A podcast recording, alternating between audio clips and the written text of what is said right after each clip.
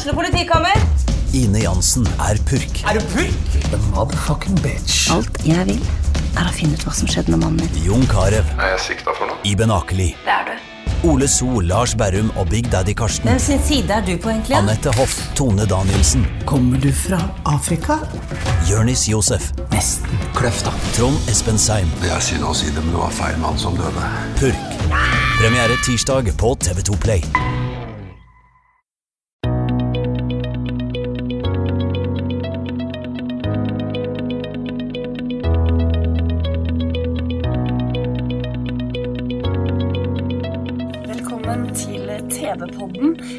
Skal du få høre et opptak som er den første episoden i en programserie om feminisme.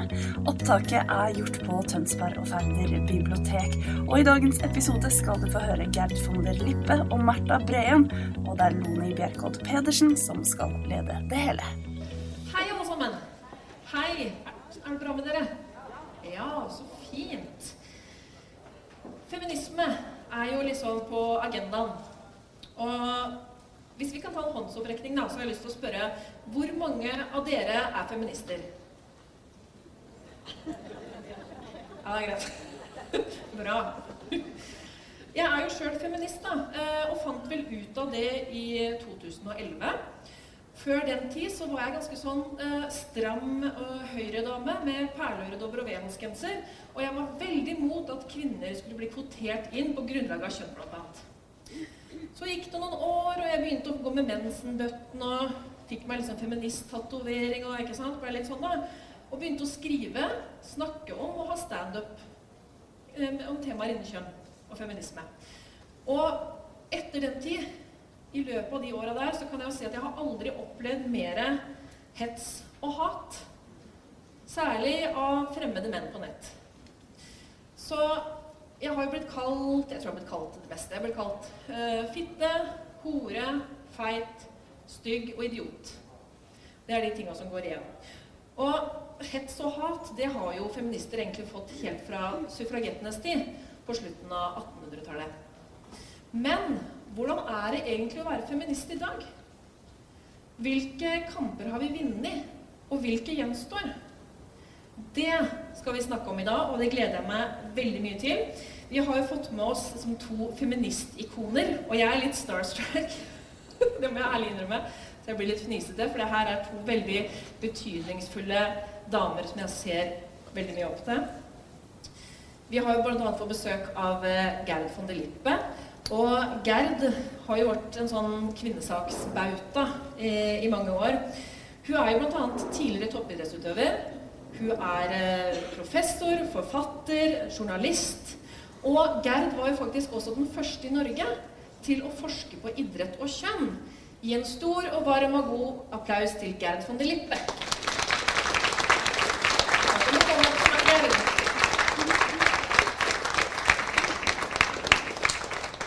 Slå deg ned på plassen din. Vi har også fått besøk av Martha, Martha Breen. Sikkert kjent for, for mange av dere, men hun er bl.a. forfatter, feministblogger og journalist. I tillegg så er hun fra landets beste by, Larvik. Oi, ingen fra Larvik? Bare meg?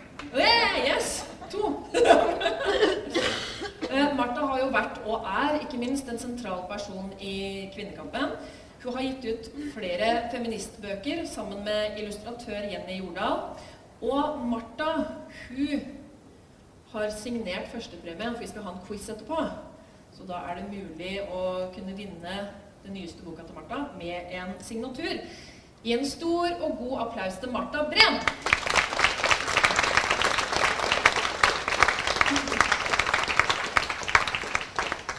Åh, det her er koselig, altså. Så jeg må bare, jeg mener det. Nå sitter jeg liksom med to av ikonene ved siden av meg. Forbildene mine. Nå ble jeg litt forlegen.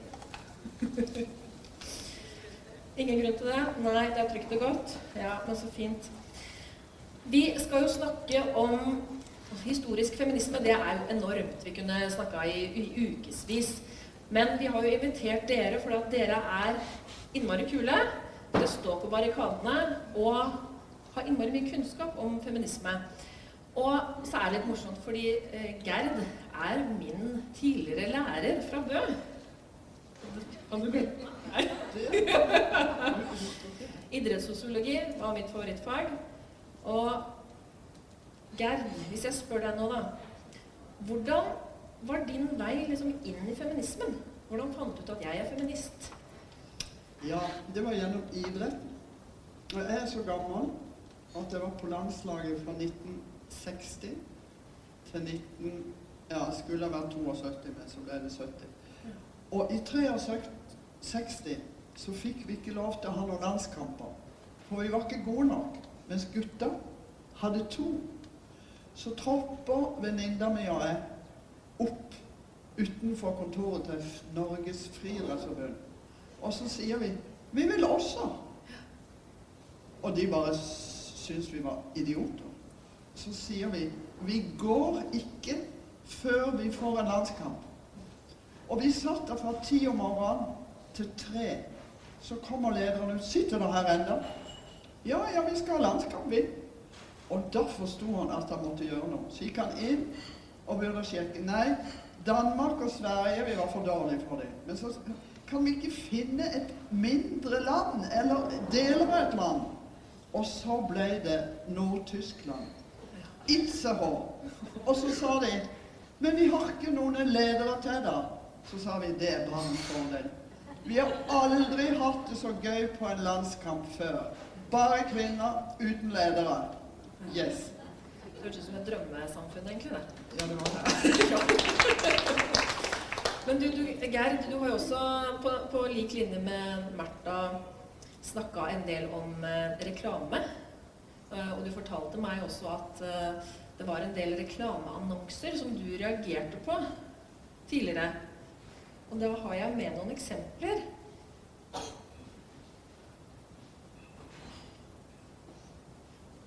Vi har mange, da. Ikke nok mange. Her, eksempel, er det noe som er kjent for dere, publikum? Når var det vanlig å ha sånne typer reklameannonser? Når i tida skal vi tilbake igjen da? 50-tallet, 60-tallet. Det her er jo reelle, ordentlige reklamer. Women don't leave the kitchen. Det sa du, Geir, at det var en av de verste reklamene som du Og da reagerte du også på den tida? Ja, det så jo så kjedelig ut. Så siden tok det lang tid før jeg brukte et forkle hvis jeg skulle bake eller gjøre noe som helst. Ja. Så du var kanskje feminist nesten fra barnsben av, du da, egentlig? Jeg var kanskje det for mora mi.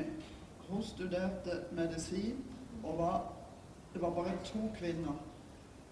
Og så gikk hun i langbukse. Og så hadde hun kort hår. Og så ser jeg et bilde, som står i profil. Så røyker hun. Hun gjorde så mange ting som ikke kvinner skulle gjøre. Men det var jeg ikke klar over før seinere, når du ser bilder og sånn, når du er blitt voksen. Wow. Hva med deg Martha? Husker du første gang du kalte deg feminist?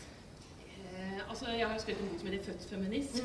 Den sier litt om jeg, Mora mi var med i Kvinnefronten. Ja. Så hun var, eh, jeg vokste mer eller mindre opp på en kvinnefrontleir og i, i, eh, i det miljøet. Så det var, det var aldri noe sånn stor eh, Dette var liksom bare Det kom helt naturlig. Men jeg husker første gang jeg ble kalt feminist. Ja. Og da var det jo ikke Da var det på en måte som et skjellsord. på en måte. Ja. Og det var jo på skolene, og jeg husker at det, For jeg vokste opp på når egentlig kvinnesaksbevegelsen var i en form for backlash. Eh, Det var veldig mye fokus på disse spørsmålene på 70-tallet, og så kom dette backlashet på begynnelsen av 80-tallet, hvor man eh, hvor begynte å spre myter om kvinnes, at kvinnesakskvinner var eh, surere og styggere og sinte, altså alt det der negative, og at de de, de, Og så kom det en ny generasjon som ville ta avstand fra det. Og da begynte man å si sånn Jeg er i hvert fall ikke, femin, jeg er ikke feminist, altså, men jeg er for likestilling. Ja, så det var på en måte en sånn eh, tilbakeslag, og det var jo høyrebølge, og det var jo mye av dette også, ikke sant. Um, så det husker jeg på 80-tallet på skolen, at det plutselig ble sett på som noe negativt. Og jeg syntes det var litt flaut at mora mi sto på torget og delte ut løpesedler mot, mot porno og sånne ting. Ja. Torget i Larvik er ganske lite. det i Larvik, ja. uh, Men var det en gutt eller jente som kalte det Husker du hvem som kalte det? ja, det husker jeg godt. Jeg, det, jeg husker at det, det var en som het Erlend. Ja, etternavnet. Og etternavnet hans. Ja, men jeg husker at men det var ikke bare det var feminisme, det var også kommunist. eh, Altså jeg kommer fra eh, radikal familie, så det var liksom i det hele tatt mye av det som, som min familie sto for, som, eh, som var upopulært en periode der. Og, og på 80-tallet. Og, så- tok det jo litt eh, tid før man liksom får prøver å finne ut hvem er jeg. Skal jeg, skal jeg, være, skal jeg ta avstand fra, fra dette, eller skal jeg omfavne det? Og så jo valgte jeg det siste. Og blei med i masse ungdomsforeninger. eh, Ungdom mot eh, rasisme, ungdom Natur og Ungdom og den typen ting i Larvik. Og blei ja, bevisst på eh, også feminisme. Eh, men så husker jeg at eh, så var det jeg først 23 år når jeg på en måte sto fram i offentligheten som Mhm. feminist. Da. Det, da var det en bok som het Råtekst, som eh, Ja. kom i 1999. Det var eh, et norsk svar på en bok som het Fittstim i Sverige, som hadde fått veldig mye oppmerksomhet. Og så var det da, vi var da 19 jenter i Norge som tenkte vi skal også lage sånn bok. Og så kasta vi oss rundt og ga ut den eh, samme høsten. Eh, der, eh, og den fikk masse oppmerksomhet, og da, ble det sånn, da var det plutselig Å, nå er det lov å kalle seg feminist igjen. Ja. For da hadde det vært mange år hvor det var veldig sånn betent. da. Ja. Eh, og siden den gangen så har jeg brukt det som mellomnavn. Mm. Ja. Men hva var grunnen til at du ikke heiv deg med i, i jappebølja? For det hadde sikkert vært enklere. Ikke sant? Og bare sagt ja, nei, det er avleggs det der. Nå får jeg bare Ja, nei, men altså sånn er Ja, så kalkulert er man nok i verden. Nei, jeg har vel alltid vært eh, veldig engasjert. Eh, og fremdeles på en måte også på de altså Antirasisme og miljøvern og sånn som jeg var det havna inn de, de var de gruppene vi hadde i Larvik da, som var aktive. Eh, men etter hvert som eh, jeg begynte å, å jobbe med det med kjønn, og hvordan kjønn påvirker livene våre, og så leser man litt her og litt der og tilegner seg kunnskap, så etter at, eh, etter at jeg begynte å jobbe med det Jeg føler at jeg, jeg har, ikke, har ikke noen utdannelse på det, men jeg føler at jeg etter hvert kanskje har det. Da er det sånn, da klarer jeg ikke å eh,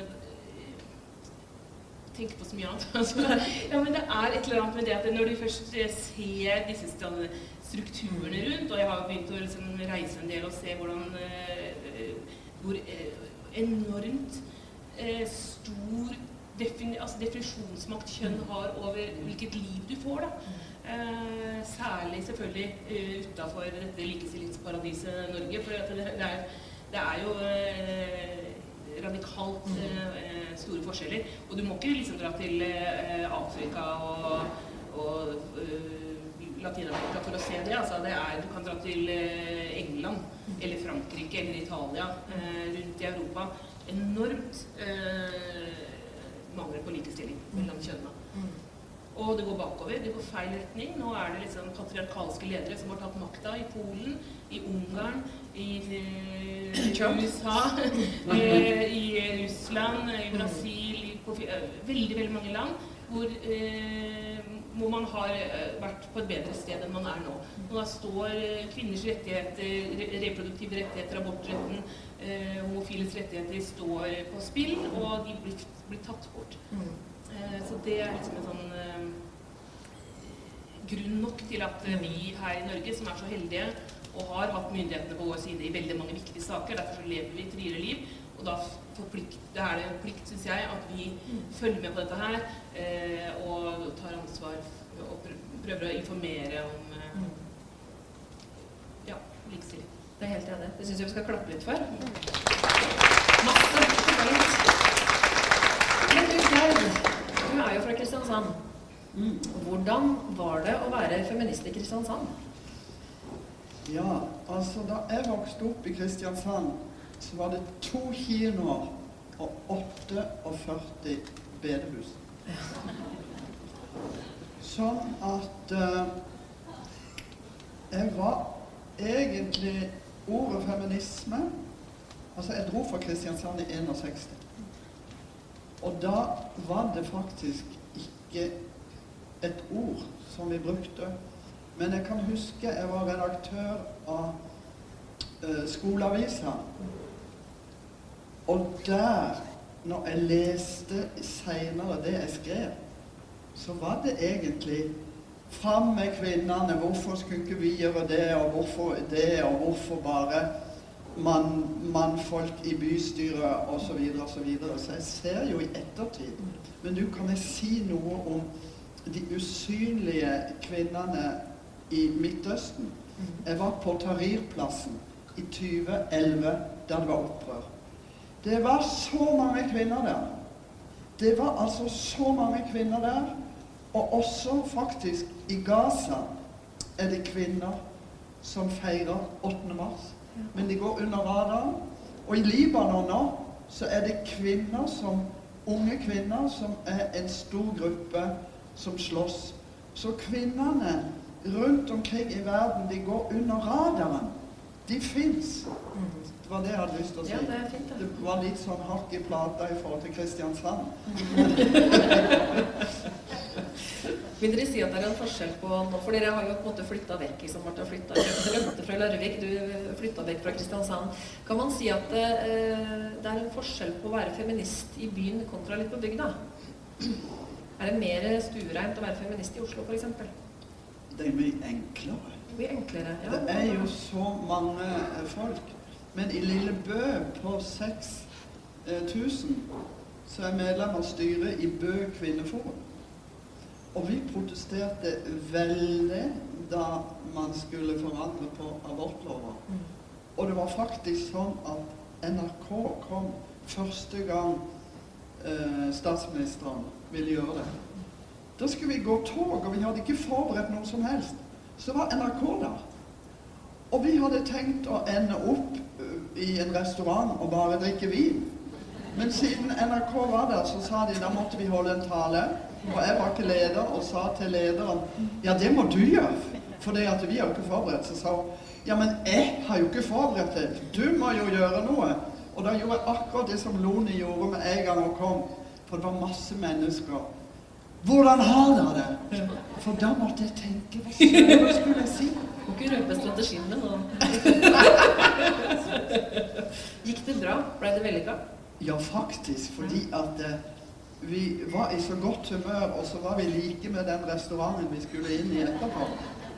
Så det var litt gøy at de var i Lillebø. Så eh, vi som er fra distriktet, syns jo at det er for mye fokus på Oslo og de store byene, selvfølgelig. Jeg, jeg tror også det er vanskeligere å skille seg ut på alle mulige måter og stå og få meningene sine i, hvis du er bor på et lite sted. Og jeg hører jo Jeg reiser mye rundt og snakker om dette på små steder. Og da kommer det ofte lokale damer opp og sier at de tør rett og slett ikke å kalle seg feminist hjemme, og at det er liksom så vanskelig å få gjennomslag for sine ting, og at det er vanskelig å arrangere ting, selvfølgelig. Det gjelder jo ikke bare det gjelder uansett ting i små byer, at det er vanskelig å få folk til å komme på arrangementer. Sånn at jeg er veldig klar over at vi er Altså det er en privilegert eh, eh, ting å bo eh, i Oslo når det gjelder dette her. Vi, det er så mye som skjer. Eh, det har forandra seg. Altså, det er liksom bare ti år siden det ikke var noen feministarrangementer, og nesten ikke noe 8. mars i Oslo. Da lå det veldig nede. Men nå er det liksom nå kan du hele, altså 8. mars er blitt en sånn månedslang festival i Oslo. Du kan bare gå på eh, Det er eh, hele tiden eh, ting og foredrag, eh, konserter, festivaler, nærlesninger av gamle feministklassikere. Veldig mye som skjer, og det er selvfølgelig kjempegøy. Og så må man selvfølgelig også bare vite at eh, det er ikke sånn overalt, og det er ikke alle som har, liksom, eh, har den tilgangen eh, så man ikke begynner å snakke om ting som ikke folk faktisk eh, har fått med seg. Jo, og så bare si noe om Bø. Det er jo et lite sted, og vi har Bø kvinneforum, og vi feirer alltid 8. mars. Men vi får få personer til å tore å gå i tog. Ja. Sånn at vi en gang eh, ringer ikke nå politiet. Vi bare går i tog. Og så vet folk hvem vi er, for vi har noe som heter Bø Blad. Å ja, det er bare disse her fem- feministene. La de bare gå i fred. Ja, ikke sant? Ja. Ja, for den holdninga der, den lever litt grann ennå. Ja. Det Disse her, disse her feministene. Det er liksom Ja. Men det som også er, eh, er gøy Jeg, jeg er veldig optimistisk jeg nå, faktisk, selv om altså, begge deler samtidig. Det, det, er, det er viktig å, å se hva som går i feil retning. Og også her hjemme, eh, med den eh, konservative regjeringen vi har, har hatt, som har liksom satt abortrettigheter under press. Og, og den første de gjorde, var å fjerne pappaperm og det er, det er, hele kontantstøtta. Det er mye som jeg syns går i feil retning i, i Norge også, og ikke minst internasjonalt. Men, men samtidig så er det akkurat det der med det er faktisk ganske For å si oh, dere, 'Hvorfor er feminister så upopulære?' Jeg bare 'Hæ, upopulære? Hva er det snakker om? Er det upopulære?' altså, men jeg syns det er ganske eh, gøy å være feminist i dag og se Eh, på Youngstorget på 8. mars. 15 eh, 000 mennesker. Ja. Mm. Women's March har trukket mm. altså Det er millioner og millioner av kvinner i hele verden som har dødd i demonstrasjonstog mot Trump, og nå skal de arrangere det på nytt mm. om et par uker. Mm. Eh, det er sånne ting som ikke vil få med seg i Norge. I januar i 2018, altså i fjor i januar, så var det en vegg av kvinner i eh, Sør-India Eh, det var altså fem millioner kvinner som holdt hverandre i hendene. Det høres helt utrolig ut, men det er sant. Det var en eh, fem millioner kvinner, 650 km lang eh, rekke av damer, som protesterte mot at damer i fruktbar alder ikke fikk lov å ja. gå i de mest kjente templene. Eh, å be. Eh, fordi at eh, de kunne da Kvinner under 50 fikk ikke lov. Fordi de kunne være fristende. Kvinner over 50 er dessverre ikke fristende. så det var liksom en sånn regel. Men de protesterte mot det, da, og nå er det liksom i feil. Altså, det, det, er noen enorme kvinnestreiker i Latin-Amerika nå. Eh, som er, og den det, nå er jo, altså Internett og sosiale medier er jo med på dette og gjør at det går an å samle så mange mennesker på så kort tid. Altså Jeg tror det var tre dager etter at uh, Erna Solberg hadde lagt uh, abortloven på bordet, på forhandlingsbordet, så var det 16 000 mennesker på Norge. Altså Det skjer sånn. Eh, liksom Tre dager etter at noen damer i Chile har lagd en låt mot voldtekt, så synger de den, eh, synger liksom 3000 damer den på, torg, på Sergels torg i Stockholm. Mm. Altså sånn. Så det er liksom Det er mange, mange muligheter mm. eh, som er helt nye, og som, ikke, og som folk griper. Absolutt. Eh, du sa jo en ting eh, i stad når vi kom inn her, så det er ikke så veldig mannstungt her. Nei, ikke, ikke til forkleinelse for publikum. Men hvor blir det av disse her mannfolka i Kvinnekampen? Har de noe plass? Spør du meg? Fyr løs. ja. eh, altså um, Det har eh, Når jeg det, Min erfaring er at det er sånn cirka eh, i Oslo 10-15 eh, av eh, de som er på feministarrangementer, er menn. Mm. På de store sånn 8. mars og sånn litt flere. Mm. Eh, og det er jo egentlig mer enn det kanskje har vært før. Og jeg syns at det er veldig mange i min generasjon som er støttende og backer. Mm. Eh, og så er det ganske mange det som, eh, er det jo en del menn som er opptatt av likestilling for menn, og det syns jeg også er kjempebra. Mm. Eh, det, det, er det som er synd, syns jeg, er at ofte man skal løfte fram eh, mannsproblemer, da, som også handler om kjønnsroller, trange kjønnsroller. ikke sant? Det at det er, flere menn som tar selvmord, det er flere, at menn, mange menn sliter med psykiske problemer fordi mannsrollen er så trang at man kanskje ikke klarer å åpne seg og, og knytte eh, og søke hjelp. Og det er mange, mange sånne ting som handler om mannsrollen, som, og dette med øh, omsorgsrett etter mm altså barnefordeling, som er veldig skeivt fremdeles, handler også om mannsrollen og hvilke eh, Men eh, når man skal snakke om det, som er viktige spørsmål, så er det nesten bare menn som eh, har lyst til å sparke mot likestillingskamp, eller kvinne, kvinnekampen samtidig. Mm. Altså, det, det er liksom feminister får for mye oppmerksomhet, feminister har gjort noe feil, alt har gått for langt, ja. og sånne ting. Så, blir liksom, så i stedet for å få med seg eh, feministbevegelsen, så, får, så, du, så, tvinger du feministene i forsvarsposisjon, ja. og så blir det bare tull. Eh, når man burde samarbeide. Eh, og, men heldigvis er det mange som samarbeider også. Og jeg ser mye eh, på student, Feministisk forum på universitetet f.eks. er det masse menn også mm. som er med å arrangere debatter om, om disse tingene. Men det er liksom gammeldags den derre at, liksom skal, at det er enten-eller. At, liksom, at, det skal være en sånn kamp mellom kjønnene. Eh, likestilling er best for alle. Det er ingen tvil om det. Eh, det er jo veldig grundig dokumentert også at de samfunnene som eh, med høy grad av likestilling og høy grad av likhet, de scorer bedre på helse, på, på trivsel, på eh, alle mulige faktorer. Økonomi, ikke minst. Eh, og, vel, og de samfunnene som tviholder på tradisjonelle kjønnsrollemønstre, de taper på alle fronter. Det, er, eh, det fins det mye dokumentasjon på. Og det er jo det som jeg føler at de nordiske landene og, eh, eh, og vårt likestillingsprosjekt, vi burde være ambassadører for dette. Fordi det er så mange land hvor, eh, som lider under tradisjonelle kjønnsroller, rett og slett. Altså, det sier seg jo selv at hvis begge eh, kjønn går ut i arbeidslivet, så vil jo bruttonasjonalproduktet øke. Det er jo bare én side av saken. Men det er så mange sånne faktorer. Så eh, Sverige de eh, opererte med noe som het eh, feministisk utenrikspolitikk, eh, som eh, ble satt i gang for noen år siden. Og det er et sånn fantastisk prosjekt som jeg synes Norge også burde støtte opp om. da. For vi må få mm, ja, løse opp mm. Bra, takk. Hva med deg, Gerd? Er, er menn på barrikadene i Bø? Ikke så veldig. Når vi har uh, møter, så er det få menn. Det er enten kjærester mm. eller ektemenn. Eller så går jeg på noen og sier 'hallo'. Så det er veldig få. Ja. Og så lever de i en myte, og det er kanskje veldig mange, for vi har jo likestilling i Norge. Mm. Hva er det noe vits å bråke med? Mm. Vi er jo kommet så langt. Mm. Men det man ikke tenker på, hvorfor vi ligger øverst omtrent på the global likestillingsbarometer, det er fordi vi har velferdsstat. Vi har gratis skole, vi har gratis utdanning. Og vi har eh, kommuner som funker forholdsvis bra når det gjelder eh, å hjelpe eh, kvinner. Ja, vi har problemer med, med jordmødre. Vi har for få av dem. Men det er altså Og jeg ser det på mine studenter òg. Det er jo da idrettsstudenter. Hvem er det som er interessert i kjønn da?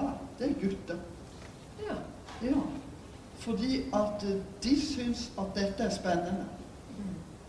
Uh, og jentene tør ikke stå fram som feminister. Det, er, det koster de mer, sier de, enn gutta. Det er liksom litt tøft og litt nytt.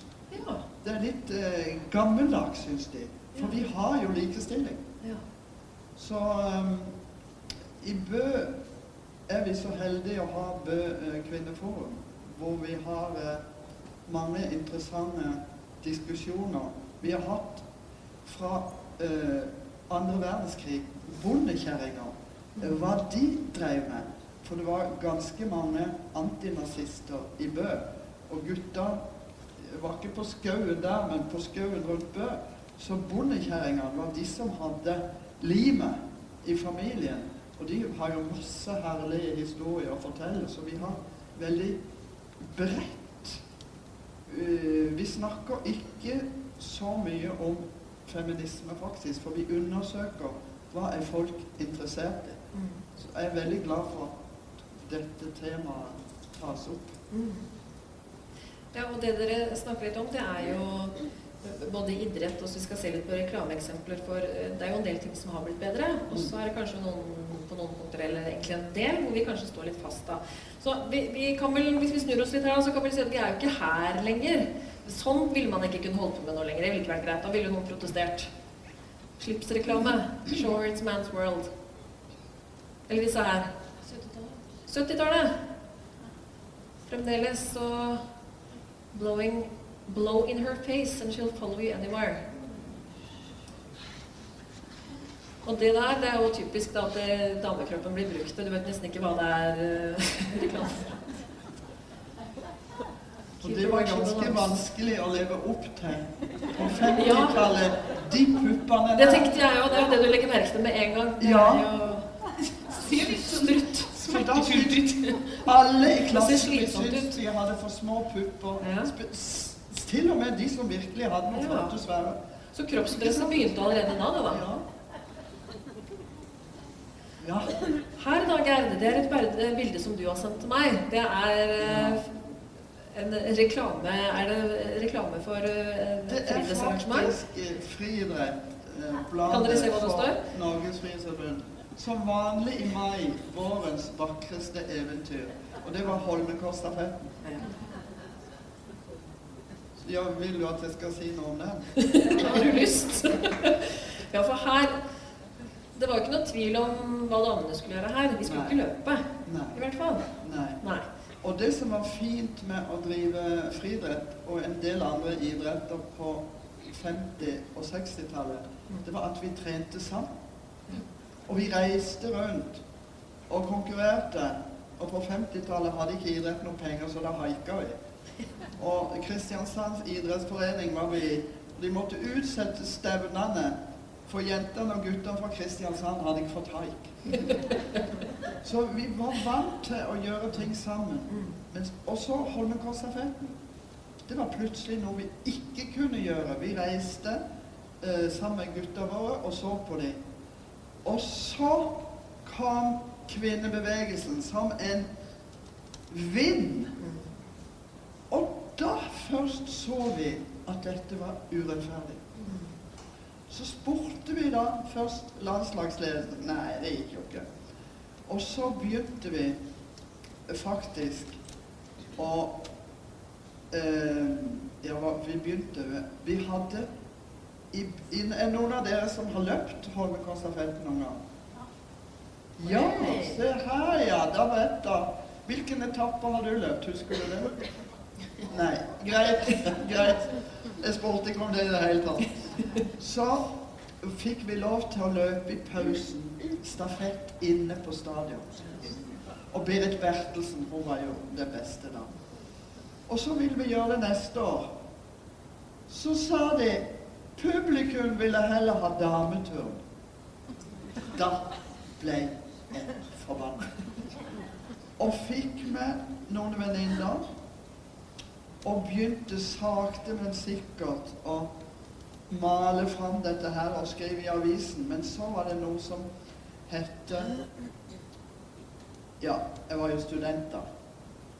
Og da var vi jo radikale på slutten av 60-tallet og 70-tallet. Så da lagde vi en aksjon, kvinner, eh, for Holmenkollstafetten. Og da eh, i, i 19... Når var det? I 1972, ja. Derfor det da løp vi to kvinner ulovlig. En med navn på eh, presten som senere via meg. Fordi at von der Lippe, da hadde vi blitt diska før vi begynte. Men det var helt vilt. Jeg kan bare fortelle litt da. Det var jo 72 EU-kamp, EF, EF-kamp. Og da var det sånn at uh, vi var to kvinner og resten mannfolk, og de hadde nei til EF, og et par hadde nei til ja, noe som uh, AKP-ene hadde. Men de fleste var sånn ikke noe spesielt partipolitiske. På trøya med norske flagg.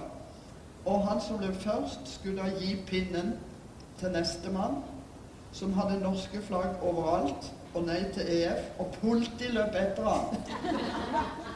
Og han var leder av Studentvenstre, så han var ikke noe særlig god form. Men til slutt så fikk han fatt i pinnen, og så er det opp Norabakken. Og der er det walkietalkie og gir beskjed at de skal ta han. Og du vet når han kom på toppen av Norabakken, og politiet tok han, så sto han jo bare sånn. Og inn i Maja.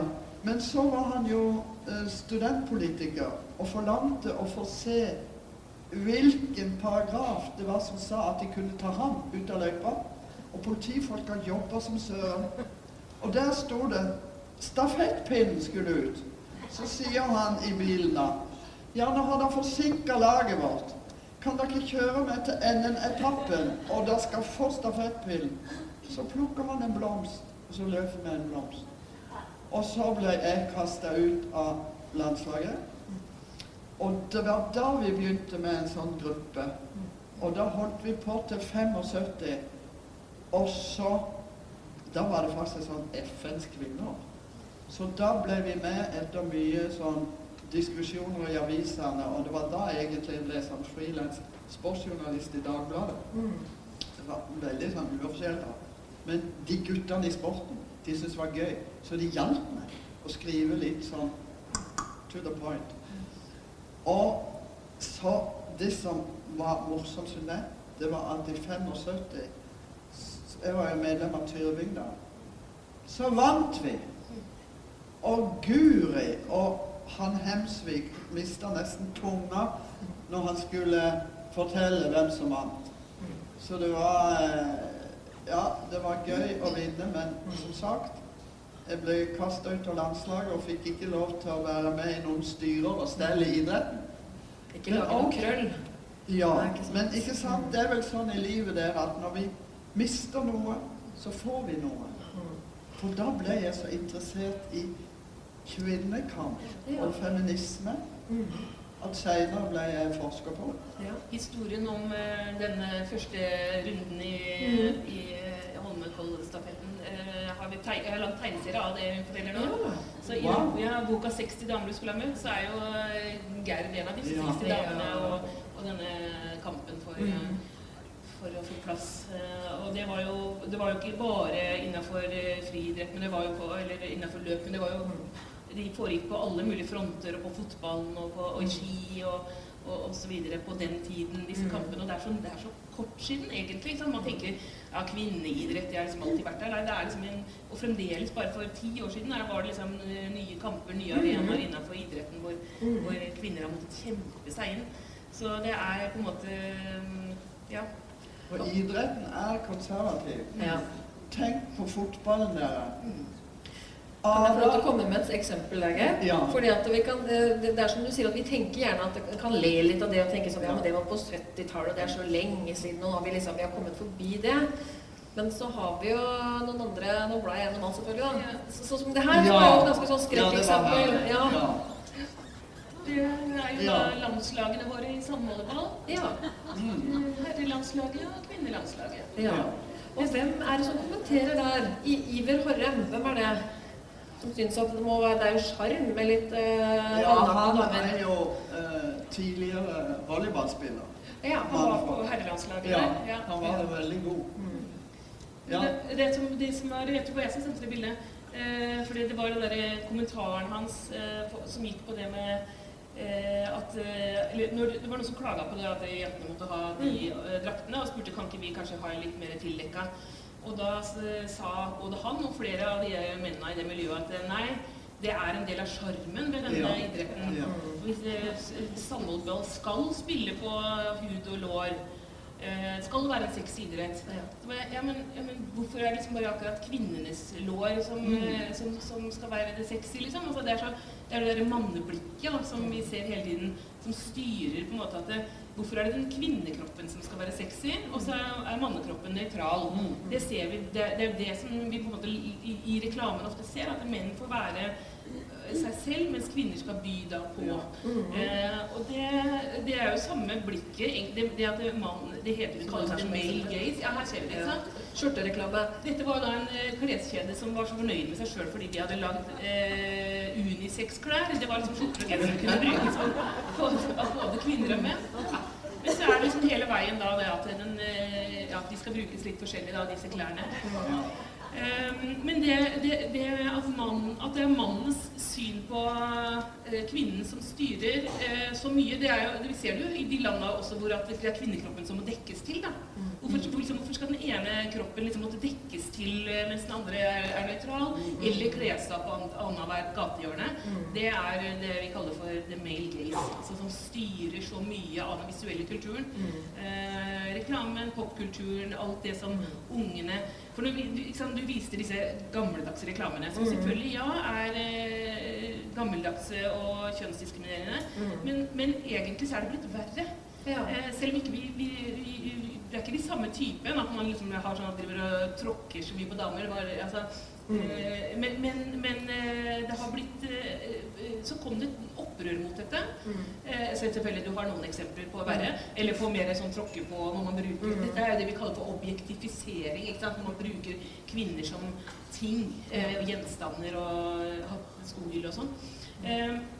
Men, men eh, på 70-tallet altså, nesten Ingen av den reklamen som er i dag på dette mm, på, kunne gått på 70-80-tallet. Da var det så politisk ukorrekt. Da hadde damene reist seg opp og sagt nei, vi vil ikke ha panserdamer på biler. Vi vil ikke ha det sånn. Vi vil ikke ha missekonkurranser. Det var liksom bare helt feil i ganske mange år. Og så sklei det ut på en måte på 80-tallet, når liksom alt ble fritt og markedsliberalisme og høyrebølge. Da var det veldig pinlig å protestere på det. Da ble du stempla som rødstrømpe. Og, og det var eh, det, mm, Så min generasjon, når jeg var liksom vokste opp, vi, vi turte ikke å ta i det. Og bare så seiv det tilbake og blei verre enn noen gang. Eh, og nå er det helt uhåndterbart. Altså, de, de som har vokst opp, de som nå er i 20-åra, de har vokst opp med ek- ekstremt sånn pornokultur. Mm. eh, jeg mener, før så var det sånn pornoen eh, det noen, Du måtte liksom ta tak i de bladene, du måtte kjøpe en videokassett eller gå ut i skogen. altså Det var liksom, liksom litt pes å få tak i det. Mens nå så har liksom mine unger tilgang til porno i hånda si. Det er nesten Ja. umulig for oss for foreldre. altså Det er bare, det er bare overalt. Eh, og det påvirker eh, unge menneskers syn på eh, sex, selvfølgelig, på kropp, på sin egen kropp, på hverandres grenser. Eh, og vi, man ser det liksom i den, hva slags type spørsmål som f.eks. Sånn sexeksperter får inn. At det, eh, det, her, her er det ideer som er planta i unge eh, gutters hode, f.eks. Eh, gutter ser mest på porno. Eh, om hva sex eh, skal være, eh, som ikke de har henta fra seg sjøl. Du skjønner at det er, dette er fantasier som er lagd i, i, i, i pornoen. Sånn, my, my, altså, mye om analsex og hvordan kan jeg få Hvordan kan jeg overtale jenta til å svelge sæd eller til å være med på gangbang eller masse sånne ting som er ideer som ikke kommer fra dem. Eh, og som, dytt, som, som selvfølgelig bidrar til at unge eh, mennesker pusher hverandres grenser uten eh, at det egentlig hadde vært eh, nødvendig å Så det, dette er en veldig skummel utvikling. Ja, nå skal jeg lyst til å ta deg litt tilbake, for det var det motsatte på begynnelsen av 60-tallet når jeg var på landslaget. 1960 var første gang jeg skulle på landslaget, og da var det på Bislett som defilering. For det, idretten har jo en, en uh, historie fra militæret. Og da skulle vi inn på Bislett, og vi hadde sånne fæle drakter som gutter hadde hatt. Og de er jo lengre i beina enn oss, så knærne var jo nedi her. Og de var grå og fæle. Så venninna mi og meg gikk inn på toalettet, og så sa jeg 'jeg har en fin leppestift'. Det var en sånn eh, Fargen var litt sånn nesten appelsinfarge. Og vi smurte på, og da syns vi at vi var litt Så ordna vi håret litt. Da syns vi liksom fra halsen opp, da var vi greie. Så kommer hun kvinnelige lederen inn som ikke hadde drevet friidrett. Som gjorde bare gutta boysa. Når man har kommet ut, og dere får ikke lov til å ha leppestift, så tok hun sånn gammeldags grått toalettpapir og tørka det av oss. Og så fikk vi høre nå er det klart til defilering. Og da så vi på hverandre. Da hadde jeg liten leppestift utover her. Så min første defilering på landslaget, da sto vi foran. For vi var, eh, vi var damer, vi skulle synes. Så ned i gresset. Det var altså så forferdelig. Så det var det motsatte. Vi skulle ikke vise at vi var kvinner. Og nå er det til de grader vi er forskjellige. Og da har jeg lyst til å ta litt tilbake som For man betyr jo menneske. Mankind. Menneske. Og for mine studenter så fleiper jeg med Så har jeg de i litt idrettshistorie. History. Så skrev jeg på tavla her story. Bare for å få de til å komme ut av bobla. Så det er jo normalen er jo enda men. Men du ser det ekstra tydelig i idretten. For idrett tror jeg det er det eneste tilfellet hvor biologien kjører inn. For de løper jo fortere enn oss. Er de beste sterkere enn oss kvinner. Så der har, kan ikke mange gutter boys få det ut av huet at vi er det andre kjønn. Det er derfor det er så flott å se Det er jo alltid unntak. Mari Bjørgen og andre eh, kvinner på ski. Og hun flotte eh, som hopper på ski. Eh, og hun er diskriminert. De har jo så få konkurranser. Men det verste med, hvis jeg får lov å si det, det er i fotball. For Norge var en av verdens beste. Vi vant. Vi var best i verden i 2000. Men gutta, boys, som leder det, er interessert i Hva er fotball? Fotball er herrefotball. De skriver aldri herrefotball. Men hva er fotball for jenter og kvinner? Kvinnefotball. Så det nøytrale ordet fotball eier gutta. Og Ada Hegerberg, hun faktisk kjenner jeg fra mora, ga ut en bok i høst. Og da var jeg invitert eh, når den skulle publiseres. Og da får du hennes historie. Hun har alltid spilt med gutter, hun og søstera. Og det er sunt, fordi at eh, hvis du bare spiller med jenter, og treneren er litt tradisjonell, så er det litt sånn forsiktig. Istedenfor å la folk være forsiktige de vil, men få lov til å være litt tøffe i idretten. Så hun er jo best i verden. Men må ikke tro hun vinner noe når 1. januar var det når de skulle velge hvem som skulle få eh, premier. For ledelsen har skapt fortellingen om at det er hennes skyld. Hun vil være på landslaget, men hun forlanger at de skal satse. For hun øh, sparker jo i Lyon, og der satser de på kvinner, så hun vet hva det er. Så er det er hennes skyld.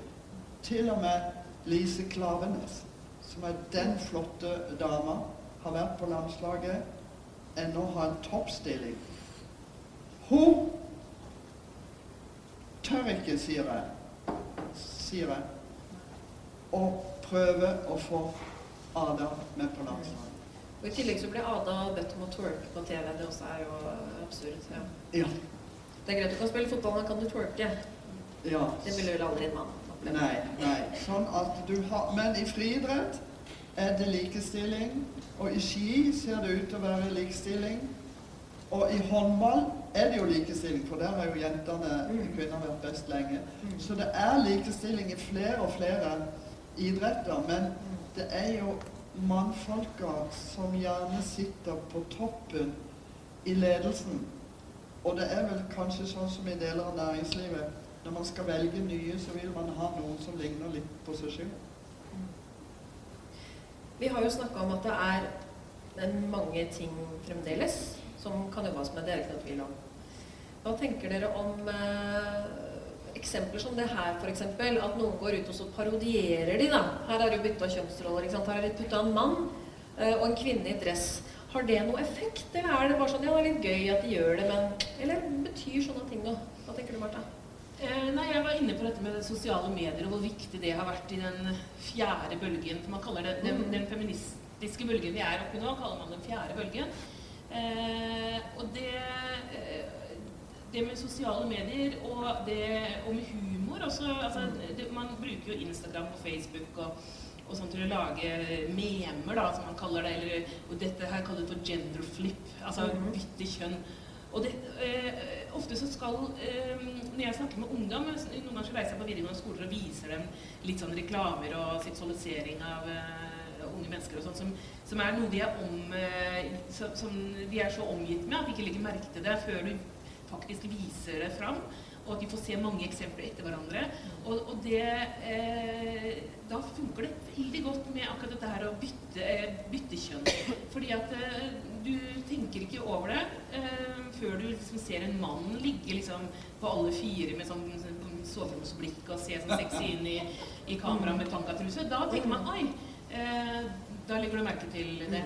Og det, det er sånn, eh, kan ha veldig stor effekt. Det, det var en sånn morsom eh, reportasje som gjorde dette her for et par år siden på, på P3, eh, ungdomskanalen P3. Da var det programlederen Kristine Danke som Mm. eh, intervjua eh, på Det var en sånn svær musikk, eh, musikkshow, og så var det rød løper. Og så kommer disse artistene opp her og skal bli intervjua på den røde løperen. Og så da, det hun gjør da, at hun intervjua ikke damene, hun intervjua bare mannlige artister, sånn Lars Vaular og disse kule gutta. Og hun stilte dem bare spørsmål som, de, som kvinnelige artister vanligvis fikk. Og det gikk liksom på hva har du på deg i dag? Og hvor du kjøpt Hvor er barna dine? Ja, hvor er, hvem, Hvem hvem passer barna? Hvordan kombinerer du eh, familieliv og karriere? Og eh, hva er tanken bak kveldens look? Eh, og de gutta, de bare De skjønte ingenting og ble helt satt ut. Og, og, det var liksom sånn. og det er jo så, Bare en sånn ting gjør at folk blir bevisst det. Og det gjør at neste gang når en kvinne går opp der og så får det utseendet eller intime spørsmålene eh, som er eh, Så kanskje hun sier du, det har ikke du noe med. Eh, eller det var Ikke sant? Jeg, jeg ble portrettintervjua en gang i Nettavisen. Og da eh, det, det var sånn, Jeg tenkte portrettintervju, det er gøy. ikke sant? Ha en lang tekst på, eh, på Nettavisen som, eh, som vanligvis har mye ræl. Eh, så jeg tenkte det var bra. Da kan man nå ut eh, med viktig budskap. Og så er det åpningsspørsmålet er Barberer du deg på leggene?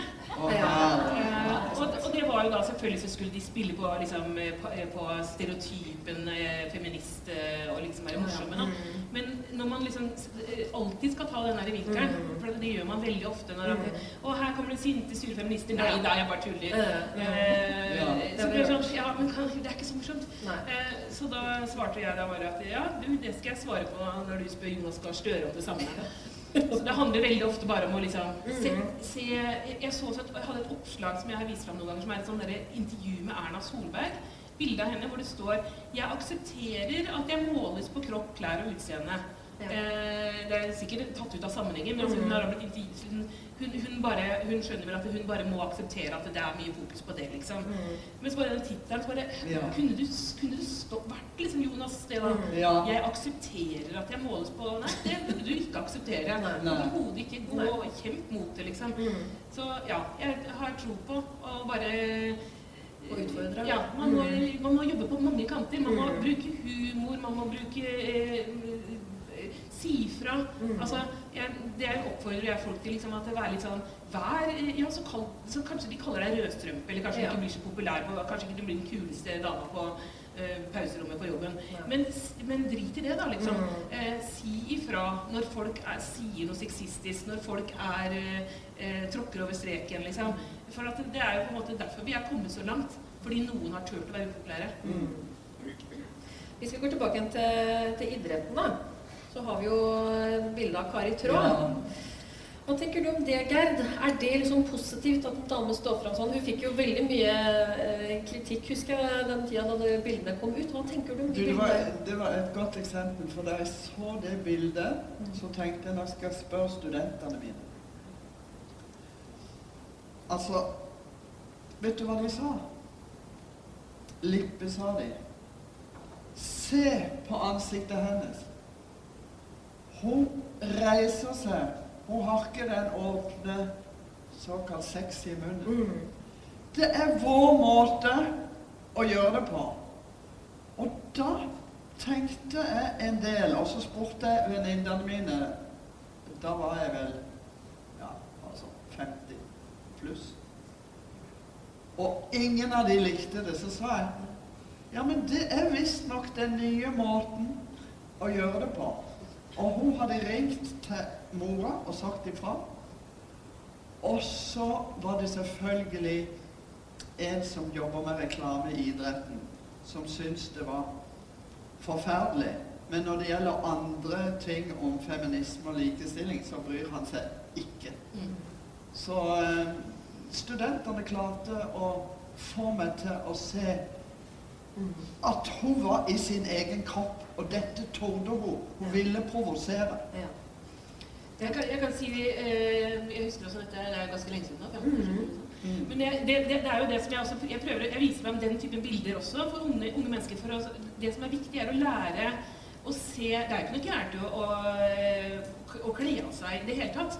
Eh, for det er noen som tror det når man kritiserer seksualisert reklame, man at man er imot nakenhet, f.eks. Eller at alle, ingen skal spille på sex, og alle skal være påkledd og sånn. Det er jo helt feil. Vi er jo på en måte jeg, jeg har jo et her, Vær mer naken, står det her. Det er et sånt ja, Det snakka vi om i stad også. Ja, råd jeg har, liksom. Folk må være mye mer nakne enn de er. Folk er jo, Vi er blitt helt amerikaniserte. ikke sant? Nå driver jo folk og, og dusjer med, ja.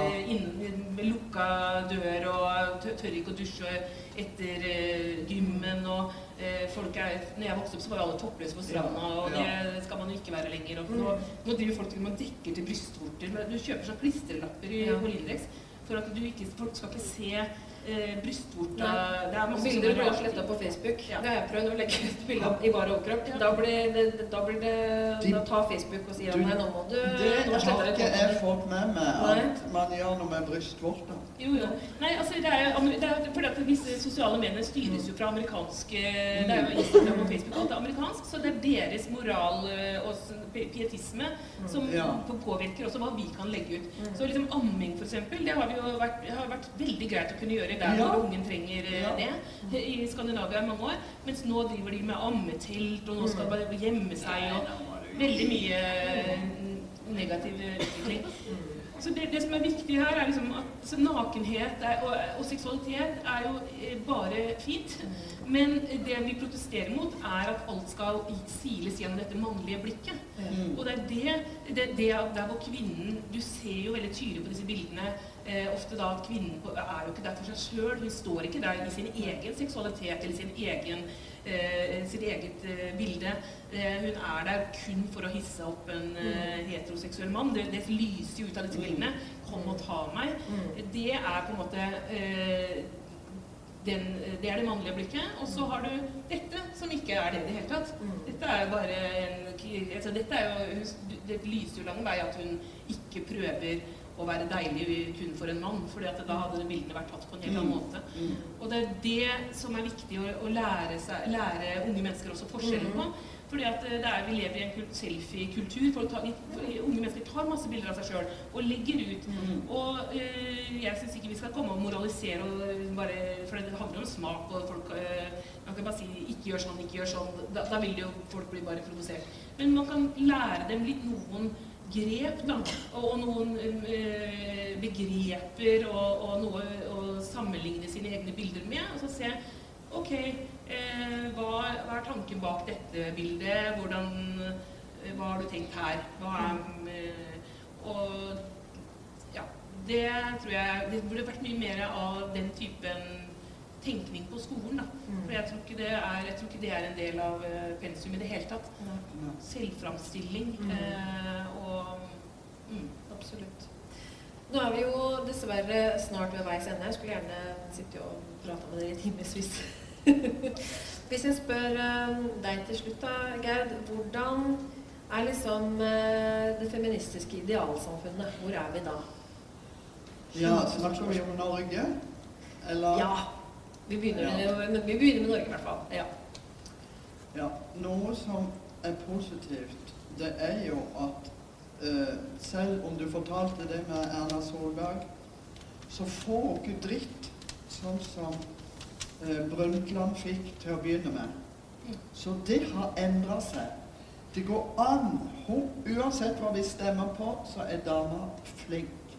Hun er taktisk, og hun vokser på det. Og det å være kvinne og hun, jeg kan fortelle hun er så glad i mat, for en venninne av var på samme konferanse som hun. Og så hun var først inn på lunsjen. Og der var det noen kokosboller som hun spiste. Og så har hun bra barn, så de la seg oppå puppene.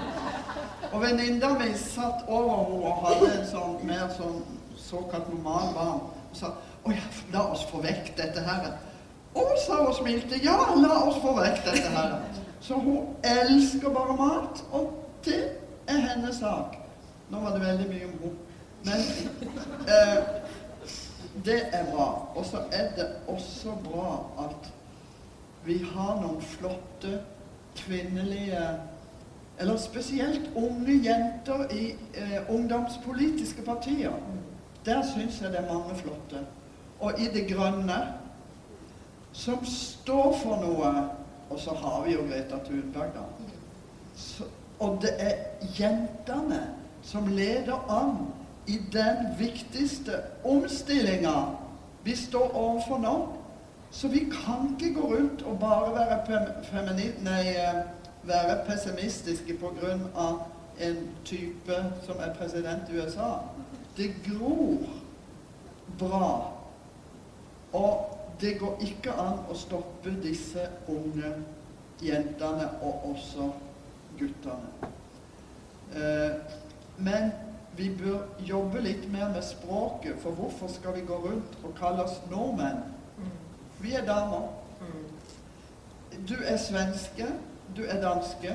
Det viser at likestilling begynte så seint hos oss, og noen mener det har noe at vi var seint industrialisert, vi var spredtbygd osv. Sånn at vi har noen arkaiske greier. Så begynn å kalle oss som norske, og ikke være med på det kjøret at vi er nordmenn. For det bare legitimerer i bunn av en sånn tankeverden at menn er normale. Og det er det ikke lenger. Vi er to normaler. Menn og kvinner, og gjerne kvinner i ulike kvinnegrupper, som lesbiske og, og homoseksuelle. Men vi er flere som står der på like fot. Så øh, Og så skal jeg si idretten er konservativ. Det er det masse igjen. Så jeg håper, hvis det har noen eh, barnebarn som driver med fotball, så støtt de som bare søren. Det trenger de, fordi at de blir diskriminert fra de er små. Og det virker.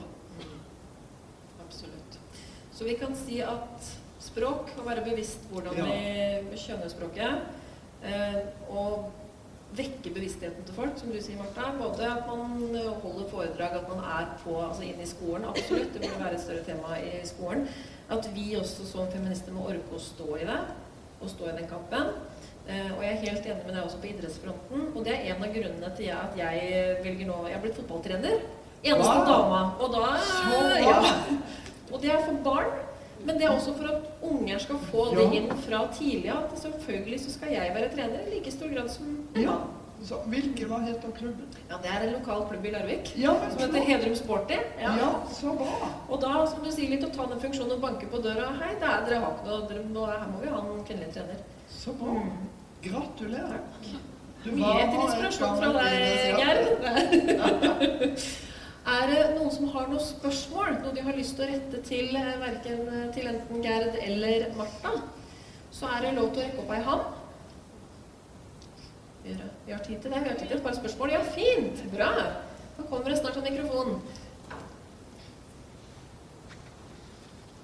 Jeg handler Hanne Luten og kommer helt fra Moss. Oi! Kjempeflinke bibliotekeren her, må jeg virkelig si. Jeg kommer på neste gang. Å, så fint! Eh, fint å ha. deg. Jeg har lest ganske mye fra Martha, det er mye igjen, men det er jo, dette må tas grundig. Det er veldig moro å lese bøkene mine. Og så ble jeg litt bekymra, det sier kanskje du at du er òg, et par-tre setninger i den siste boka di hvor du sier noe Relaterer denne boksen din til mm. glasstaket.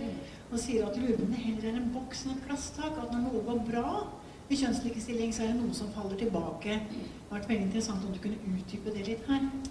Ja, øh, altså dette var et sånn øh, bilde som jeg på en måte egentlig tegna opp først i den Født feministboka. For det, da var det sånn Da bekymra jeg meg litt for øh, jeg snakka om disse stadig strengere kravene til hvordan vi, skal, hvordan vi, ser ut. Og det var så mye perfeksjonskrav til hvordan man skulle Alt fra matpakker til hus og hjem. Eh, I min generasjon så er man jo eh, veldig opptatt av eh, interiør og, ja, og, kropp og hus, og ungene skal være perfekte og alt mm. sånt. Så, og så, liksom, så sammenligna jeg med mora mi da, på 70-tallet. At de hadde litt mer slack på de områdene. Det var ikke så var liksom strietapet og mm. baggy. Og jeg også, når jeg vokste opp, kunne vi liksom gjemme bort litt sånn jeg, med hettegenser og sånn. Altså, men så har det bare blitt mindre og mindre eh, rom for eh, å Altså, alle skal gjennom det samme. Så det var liksom sånn, så tenkte jeg, det blir, Nå har vi fått masse nye rettigheter og ting Det er mye bedre å være kvinne i dag enn på 70-tallet. For vi har eh, sånn så mye flere rettigheter på alle mulige områder og til, tilrettelegging. Eh, men så er det blitt trangere på andre områder. Så er, er det liksom sånn at det, at det i, stedet for, i stedet for, som du sier, det glasstaket, er det sånn at vi har en, at en boks, en konstant størrelse. At hver gang vi vinner noe, så kommer den andre veggen tilbake. At det liksom kvinnerommet bare ikke Det blir ikke større. Det skal ikke det skal, det bare, sånn, Veldig sånn deprimerende tanke som slo meg. da.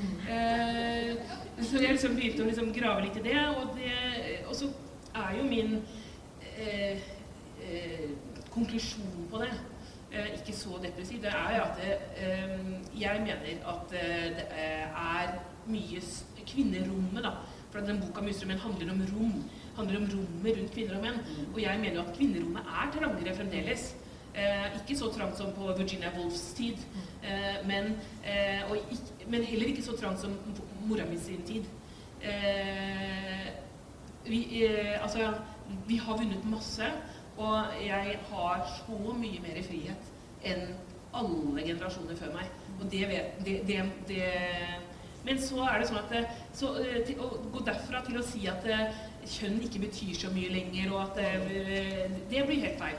For kjønn betyr dessverre alt, altfor mye, syns jeg. Og det er liksom sånn Hvis jeg skal ta, svare litt på det spørsmålet som Gerd fikk i stad, eh, på en måte Idealsamfunnet? Ja, idealsamfunnet. For jeg driver og skisserer opp nå liksom, liksom, Hva er et postpatriarkalsk mm. samfunn. Mm. At eh, Jeg mener at vi lever fremdeles i et patriarkat. Mm. Eh, det er ikke sånn at eh, fordi vi hadde kvinnekamp som ble satt i gang for liksom 40 år siden, så er plutselig 2000 års historie mm. kasta på båten, og alt er løst. Sånn tenker noen. Noen tror at 40 år er ekstremt lenge. Ja. Mm. Liksom at da er alt annerledes. Nei.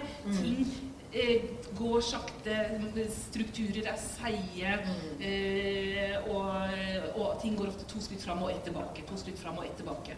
Så det er eh, Men eh, hva, hva, er drømmen? Jo, det er jo Feminister vil at, at, kjønn ikke skal være på en måte definerende for dine muligheter og din frihet og dine livsvalg. Eh, og i dag så er det dessverre eh, det både for kvinner og menn.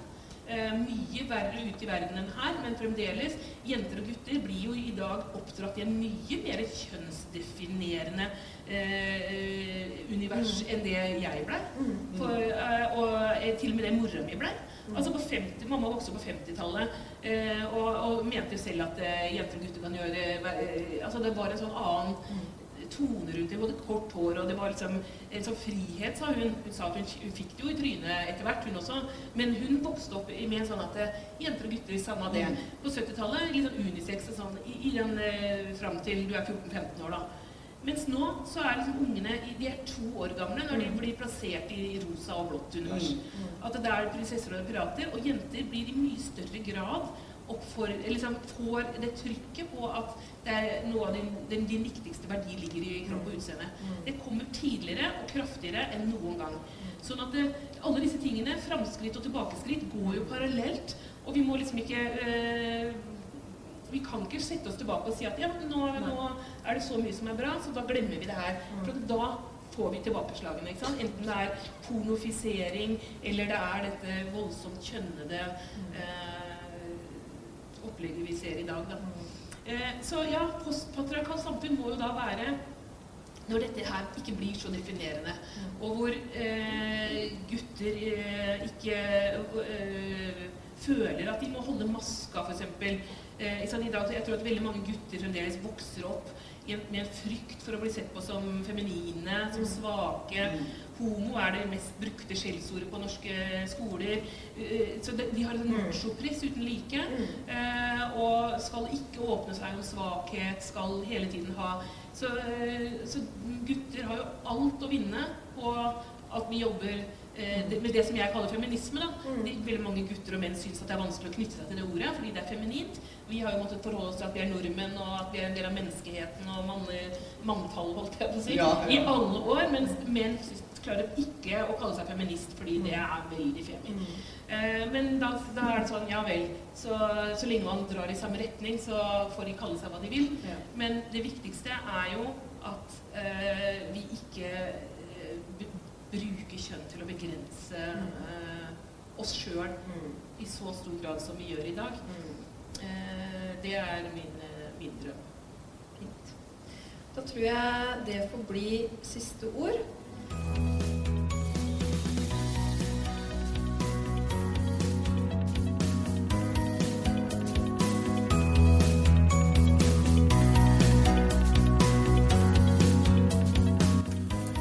Har hørt TV-podden, en podkast fra Tønsbergs Blad.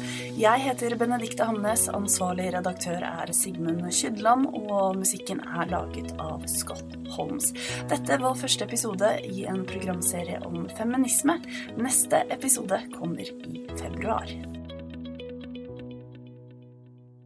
Har du et enkeltpersonforetak eller en liten bedrift? Da er du sikkert lei av å høre meg snakke om hvor enkelt det er med kvitteringer og bilag i fiken, så vi eh, gir oss her, vi.